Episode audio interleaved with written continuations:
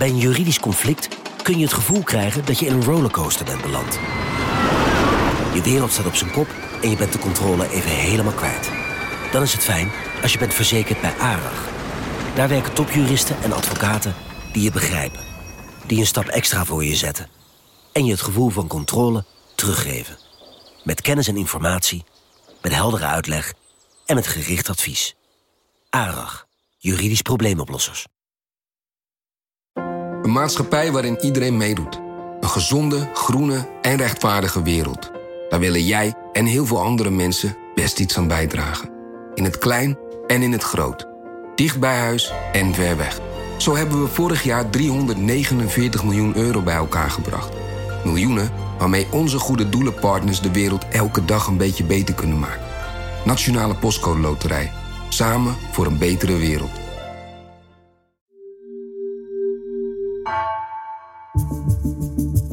Vanaf de redactie van NRC het verhaal van vandaag. Mijn naam is Egbert Kalsen.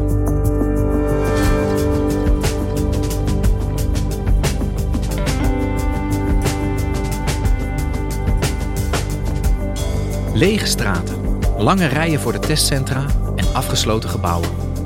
Zo zien de straten van Peking eruit.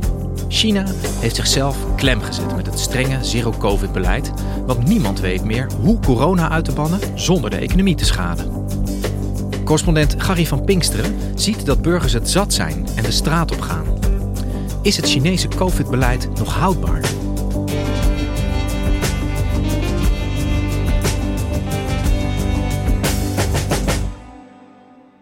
Zo, een uh, nieuwe dag, een nieuw begin. Maar eerst even kijken hoe het staat met mijn groene gezondheidscode. Als ik ochtends opsta, dan is het eerste waar ik eigenlijk naar kijk, is mijn telefoon. Ik denk dat heel veel mensen dat ook hebben. Maar ik ga dan naar een specifieke app. Query on me, op een vraag over mij, kijken wat ik dan te zien krijg. Dat is mijn gezondheidsapp. Die heeft elke Chinees op zijn telefoon staan, zo'n beetje. Ik ben nu, ik heb no abnormal conditions en ik ben twee dagen negatief. En die app, dat heet de Beijing Health Kit. De overheid van Peking stelt die beschikbaar. Twee dagen, dat is net op het randje. Want je mag in Peking nu maximaal uh, twee dagen negatief zijn. Dus vandaag moet ik in ieder geval weer gaan testen. Op het moment is het zo in Peking dat als je langer dan twee dagen uh, niet getest bent, dan mag je eigenlijk geen enkele openbare ruimte in. Elke keer als ik bijvoorbeeld mijn eigen gebouw in wil, dan scan ik een QR-code die daar hangt. En dan registreert hij, uh, oh ja, dat is die en die eh, persoon die nu hier naar binnen gaat. En die registreert ook en geeft ook met geluid aan uh, hoe lang geleden het is dat ik getest ben. En als ik meer dan twee dagen geleden getest ben, dan mag ik het gebouw niet meer in.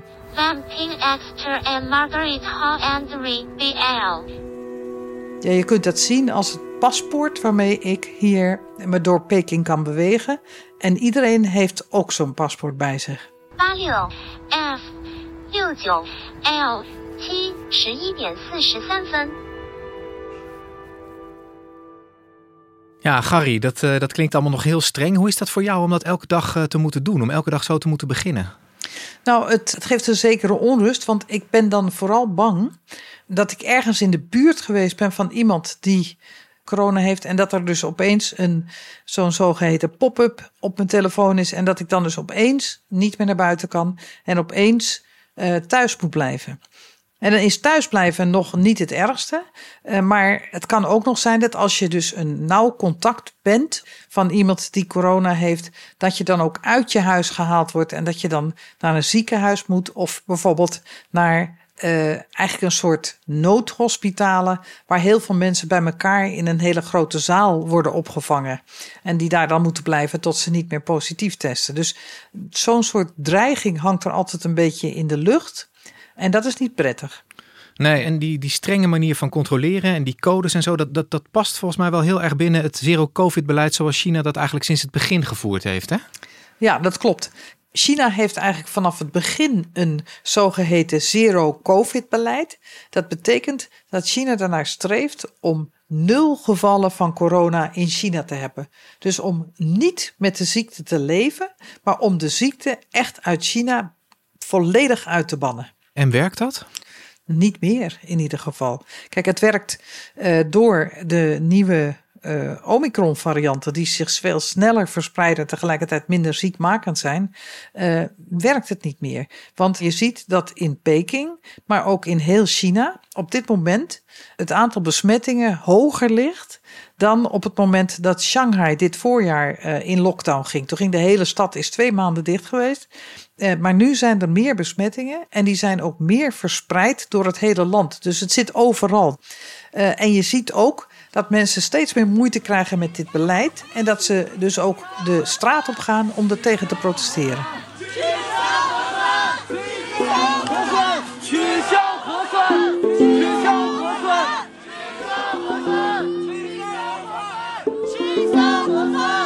Gary, jij woont in, uh, in Peking. Kan jij eens vertellen hoe ziet het dagelijks leven eruit met dat zero-covid-beleid? Nou, de laatste tijd is het heel gek. Want de straten zijn zo goed als uitgestorven. Kijk, mensen mogen officieel nog wel de straat op, eh, maar het wordt ze afgeraden. Dus je ziet blaadjes door de straat waaien, eh, maar je ziet heel weinig mensen. Je ziet nog bezorgers die eten komen langsbrengen. Ehm, je ziet nog wel wat auto's, maar de meeste mensen werken nu van huis. En het is een uitgestorven stad met ook heel veel dichte winkels, dichte restaurants. Ja, en jij, uh, jij vertelde al dat uh, een tijd geleden in Shanghai er echt een enorme lockdown was. Hoe zit het nu met de lockdowns in, in China en in Peking? Nou, er is een ander beleid. Uh, er is gezegd van nou, om de economie niet zo erg te schaden, moeten we heel precieze lockdowns gaan doen. En dat gebeurt ook wel. als er nu ergens een geval is, dan wordt bijvoorbeeld alleen dat ene appartementenblok gaat in lockdown, maar niet alle appartementen eromheen. En zeker niet ook de hele wijk. En ja, bij ons zijn er nu in het district waar ik woon heel veel gevallen. Maar dat resulteert dan in een soort uh, ja, gatenkaas van sluiting van gebouwen. Dus dan zie je opeens, oh ja, daar schuin tegenover uh, is een gebouw dicht. Er zit een lint voor en er zit iemand voor om dat te bewaken. En het is wel overigens zo dat wat ik nu om me heen hoor, dat die lockdowns over het algemeen ook korter duren. Dat veel mensen na drie dagen weer vrijkomen. Dus dat het gevaar dat je echt maanden vastzit, dat lijkt nu minder te gebeuren. Dus je hebt een, een, een, zeg maar een heleboel kleine lockdowns. Dat lijkt me heel lastig om je op voor te bereiden als burger. Hoe, hoe doe jij dat? Dat kan je ook eigenlijk niet. Hè? Je weet niet of je dat gaat overkomen. Maar wat veel burgers voor het weekend in ieder geval deden, en wat ik ook heb gedaan, is toch maar weer heel veel inkopen doen. En ik heb ook een apart kantoor. En ook in dat kantoor staat een ijskast. En daar uh, zitten ook spullen, zodat ik, mocht ik op kantoor vastkomen te zitten, dat ik dan ook een tijd lang op dat kantoor zou kunnen overleven. Kijk, en wat ook heel lastig is, is dat de overheid dus enerzijds een beleid heeft afgekondigd van we houden vast aan nul COVID-gevallen. We moeten die COVID echt uitroeien. Dat blijft nog steeds uh, de lijn. Maar aan de andere kant moeten we niet onze middelen verspillen en al te veel testen op al te veel plekken. Dus dat heeft het gekke gevolg dat wij nu geacht worden vaker te testen, eens in de twee dagen. En dat we dat tegelijkertijd bijna op geen plek meer kunnen doen. Want de, in ieder geval de drie plekken hier in de buurt waar ik ging testen, zijn alle drie nu dicht, zijn gesloten van de ene dag op de andere. Uh, en het wordt dus een speurtocht om te vinden waar je wel kan laten testen. En zo'n testlocatie kan de volgende dag ook weer gesloten zijn. Dus dat leidt tot hele lange uh, wachtrijen. Dus dat is een frustratie van de mensen ook. Want het zijn natuurlijk ook plekken waarop je makkelijk besmet kan raken. En ja, ik bedoel, wie heeft er uren de tijd om, uh, om in de rij te staan voor zo'n test? Ja, voor een test die ook maar, uh, maar twee dagen houdbaar is dan. Ja, dus kan je nagaan hoe irritant dat is voor mensen. Kijk, mensen zijn tot heel veel bereid in China. Maar het probleem is dat mensen zeggen: ja, maar het dient nergens toe. Het is overdreven, het is niet meer wetenschappelijk. En dat maakt ook dat mensen zich daartegen verzetten. Ze zijn niet meer zo bang voor de ziekte. Ze zijn veel banger voor al die maatregelen, de last die dat geeft en de angst dat je in isolatie komt te zitten.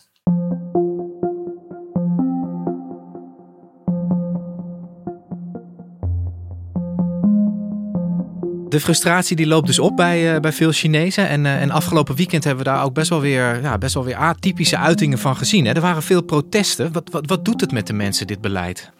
Ja, mensen hebben echt zoiets dat ze zeggen: ja, we moeten luisteren naar al die regels, maar we mogen daar eigenlijk niks van vinden en niks van zeggen. Als we naar de Chinese staatstelevisie kijken, dan zien we daar ook de voetbalwedstrijden gespeeld worden in Qatar. Dan zien we bomvolle stadions waar niemand meer een masker draagt, eh, waar grote massa's mensen bijeen zijn. Dus wij weten dat langzamerhand wel. Dat, die ziekte is niet meer zo erg. En jij bent afgelopen weekend ook uh, de straat op gegaan, uh, waar Chinezen uh, nou, zich echt openlijk ook afzetten tegen dit beleid. Wat heb je daar gezien? Ja, afgelopen weekend ben ik naar protesten gegaan die dus niet ver van mijn huis waren, in het centrum van Peking. Dit is vlakbij de Liangma-ge rivier in Peking, in het centrum van de stad.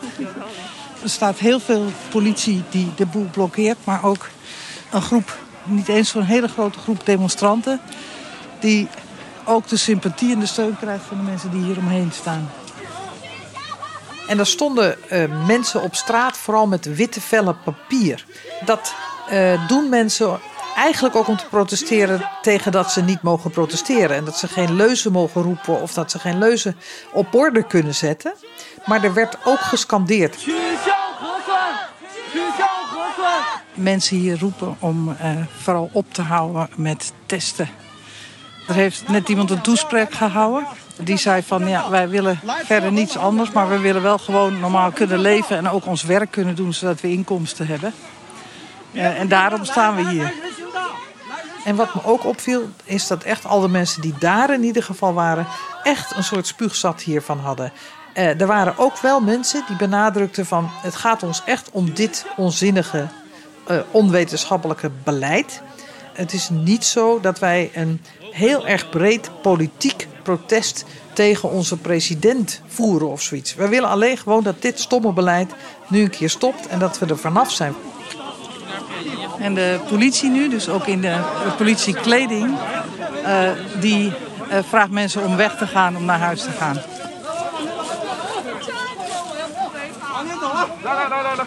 Ga daar maar heen, ga weg. En over hoe grootschalig protest hebben we het nu dan? Wat ik gezien heb, daar waren een paar honderd mensen. Hè? Dus dat is niet heel veel. Voor China wel ontzettend veel. Uh, en hoe groot het in het land is, uh, is niet helemaal in te schatten. Maar het gaat toch wel om tien steden. En het gaat waarschijnlijk om zo'n 50 universiteiten waar die protesten waren. Maar uh, we moeten ons daarbij voornamelijk verlaten op wat er op sociale media te zien is en gezegd wordt. En de grootste demonstraties die ik gezien heb waren in Urumqi. Dat is de hoofdstad van Xinjiang, waar veel Oeigoeren wonen. En de reden dat daar zoveel protesten waren, is denk ik enerzijds omdat ze daar al sinds augustus zo'n beetje allemaal in lockdown zitten. En dat houdt maar niet op. Maar ook omdat daar een grote brand heeft gewoed waarbij uh, zeker tien mensen om het leven zijn gekomen. Waarvan uh, ooggetuigen zeggen van ja, de brandweer kon er niet bij komen. Het duurde veel te lang voordat ze daarbij waren. Doordat dat gebouw ook in, uh, in lockdown was. En doordat de hele stad in lockdown was. Er stonden auto's geparkeerd, er, er stonden hekken en ze konden daar niet goed door. Daarvan heeft toen de lokale overheid gezegd: Nou, dat is eigenlijk niet waar. Er was niets aan de hand. Het gebouw was niet in lockdown. En mensen daar zelf waren eigenlijk te weinig zelfredzaam om uh, uit dat gebouw te kunnen komen. Nou, die reactie heeft mensen woedend gemaakt en daar is heel grootschalig gedemonstreerd. This is an unprecedented level of public dissent since Xi Jinping took power a decade ago. What we're seeing is people past their breaking point. It's years of pent up anger. That is people in Shanghai calling Xi Jinping to step down. En er waren ook plekken waar mensen heel expliciet wel riepen om het aftreden van Xi Jinping. En dat ze wilden stemmen en dat ze democratie wilden. Those chants go on for quite some time. They're also calling for the Communist Party to step down. This is virtually unheard of. Dus het is een beetje een mix van, van zeg maar tegen het zero-covid-beleid en, en op sommige plekken dus ook tegen het regime. Dat, dat is best uniek toch voor China, dat er zo openlijk ook kritiek op het regime geleverd wordt. Ja, dat is heel uniek. Uh, je zou ook bijna denken dat het niet meer zou lukken uh, onder Xi Jinping, die de boel zo strak in de hand heeft en die alles uh, zo strak in de gaten houdt met camera's die ook overal hangen. Hè? Maar kennelijk zit de frustratie en de woede langzamerhand zo diep dat mensen het wel doen. Er is een heel andere stemming gekomen. bij het begin van dat zero-covid-beleid waren heel veel mensen daar heel erg trots op. Die zeiden van wij kunnen in China iets wat jullie niet kunnen. Wij kunnen die ziekte onder bedwang houden. Dat was ook heel erg wat de overheid vertelde en wat Xi Jinping in het buitenland zei van kijk, weet je wat, dit toont aan dat wij, dat wij een beter systeem hebben. Maar daar, van die stemming is eigenlijk niets meer over. En, en, en hebben die protesten dan een beetje zin? Brengen ze iets teweeg ook in een verandering van het beleid bij de overheid? Nou, China heeft na de protesten wel een aantal kleine aanpassingen gemaakt, maar dan gaat het echt om een soort bijslijpen van het beleid, om het afhalen van een paar scherpe kantjes. Zo is het in Peking inmiddels niet meer toegestaan om gebouwen, de in- en uitgangen daarvan te blokkeren, zodat de politie en de brandweer daar niet meer in en uit kunnen. Zo is dat een beetje bijgeslepen. Gary, wat ik zo interessant en bijna ja, ongelooflijk vind, is dat China echt zo vasthoudt aan dit beleid. Ze zijn zo wat nog het enige land ter wereld wat de teugels zo strak blijft, eh, blijft aantrekken. Waarom doen ze dat? Ja, het is niet volledig irrationeel. China heeft ook echt een probleem. Het heeft zelfs meerdere problemen. Kijk, één probleem is dat er nu in China eigenlijk niemand bijna in aanraking is geweest met het virus. En dat er dus ook geen enkele immuniteit nog is. En het allergrootste probleem is dat ze de oudere mensen niet voldoende hebben kunnen overtuigen van het nut van die vaccins. En dat leidt ertoe dat mensen boven de 80 heel zelden bijvoorbeeld een boostershot hebben gehad. Oudere mensen die drie shots hebben gehad van boven de 80, eh, dat is eh, niet veel meer dan 20 procent. Daarmee is die groep heel erg kwetsbaar. En als je daar nog bij bedenkt dat op het platteland de gezondheidszorg uh, heel slecht is, en vaak ook in grote steden de gezondheidszorg ook nog niet zo ideaal is, dan is er onvoldoende capaciteit in China om uh, het op te vangen als mensen ziek worden. Dan krijg je inderdaad een enorme overbelasting van de zorg. En een heel belangrijk ander aspect is dat Xi Jinping, de president van China, zich bijna persoonlijk heeft verbonden aan dat zero-covid-beleid. En de prestige van de communistische partij daaraan ook ophangt. Dat hij zegt: Weet je wat, dit is juist het bewijs dat wij een ideaal systeem hebben. Dit is juist het bewijs dat wij hoger staan dan het Westen, wat in verval is, wat steeds meer zal vervallen, wat uiteindelijk de toekomst niet heeft. Uh, China heeft wel de toekomst. En dat komt doordat wij COVID echt kunnen bedwingen en daarin juist het enige juiste beleid voeren. Dus ze kunnen het zich eigenlijk niet echt permitteren om het helemaal los te laten. Maar tegelijkertijd, dat beleid van strenge lockdowns en het de hele tijd platleggen eigenlijk van een deel van je samenleving, dat komt ook met een prijs, denk ik. Ik bedoel, heeft dit geen gevolgen voor de economie van China dan zo langzamerhand? Nou, het heeft enorme gevolgen voor de Chinese economie. Ik denk dat die gevolgen veel groter nog zijn dan dat wij die in die officiële cijfers uh, terugzien. Want daarin worden bijvoorbeeld allerlei uh, losse arbeiders en allerlei kleine ondernemers niet meegerekend. En die krijgen juist hele zware klappen. Je ziet ook dat heel veel winkels al uh, failliet zijn gegaan. En het kost ontzettend veel. Ook het, testen van mensen kost, uh, ik dacht iets van 1,4 of 1,6 procent van het nationale inkomen van China. Dus het, al die maatregelen die er genomen worden, zijn heel duur. Dus, dus aan de ene kant kunnen ze het beleid niet versoepelen omdat de gezondheidszorg dat niet aan kan. En aan de andere kant leiden ze ontzettend veel pijn, eigenlijk economisch gezien, door datzelfde beleid. Dat voelt alsof ze helemaal klem zitten. Maar dat zit dus ook. Ik denk dat China zich echt helemaal klem heeft gemanoeuvreerd. En als je daar ook nog eens een politiek systeem overheen zet. Uh, waarbij het zo is dat Xi Jinping altijd gelijk heeft, dat het communistische partij altijd gelijk heeft, dat je er altijd naar moet luisteren. Ja, dan zit je aan alle kanten in een onmogelijke situatie. En, en wat zijn de verwachtingen? Gaat het uiteindelijk versoepeld worden? Wat denk jij? Ik weet het niet. Um, ik denk dat ze niet snel zullen zeggen: we houden op met zero COVID. Maar het kan wel zijn dat ze toch stapje voor stapje kleine dingen doen, zonder dat ze ooit zullen zeggen dat ze er stapje voor stapje van aan het afstappen zijn. Dat zou ik me kunnen voorstellen. Maar ja, in het ergste geval lukt dat niet en blijft het een soort stijfkoppig uh, beleid. En dan kan ik me voorstellen dat mensen toch in de ene of andere vorm daar zich nog meer tegen zullen gaan verzetten. En, en tot die tijd uh, moet jij elke ochtend op je telefoon kijken en eens in de twee dagen uh, je test blijven doen, ben ik bang. Ja, nou ja, als het daarbij blijft, dan ben ik nog wel tevreden. Kijk, ik hoop alleen niet dat ik uiteindelijk in een ziekenhuis of in de quarantaine terechtkom. En zolang dat nog niet zo is, dan ga ik het wel netjes doen. Sterkte daarmee, uh, Gary. Dank je.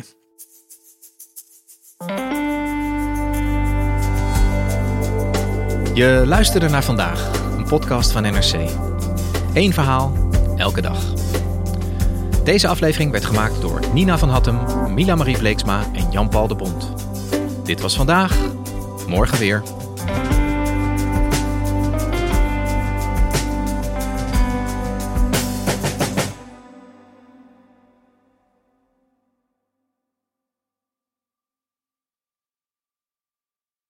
We zijn heel benieuwd wat jij van onze podcasts vindt.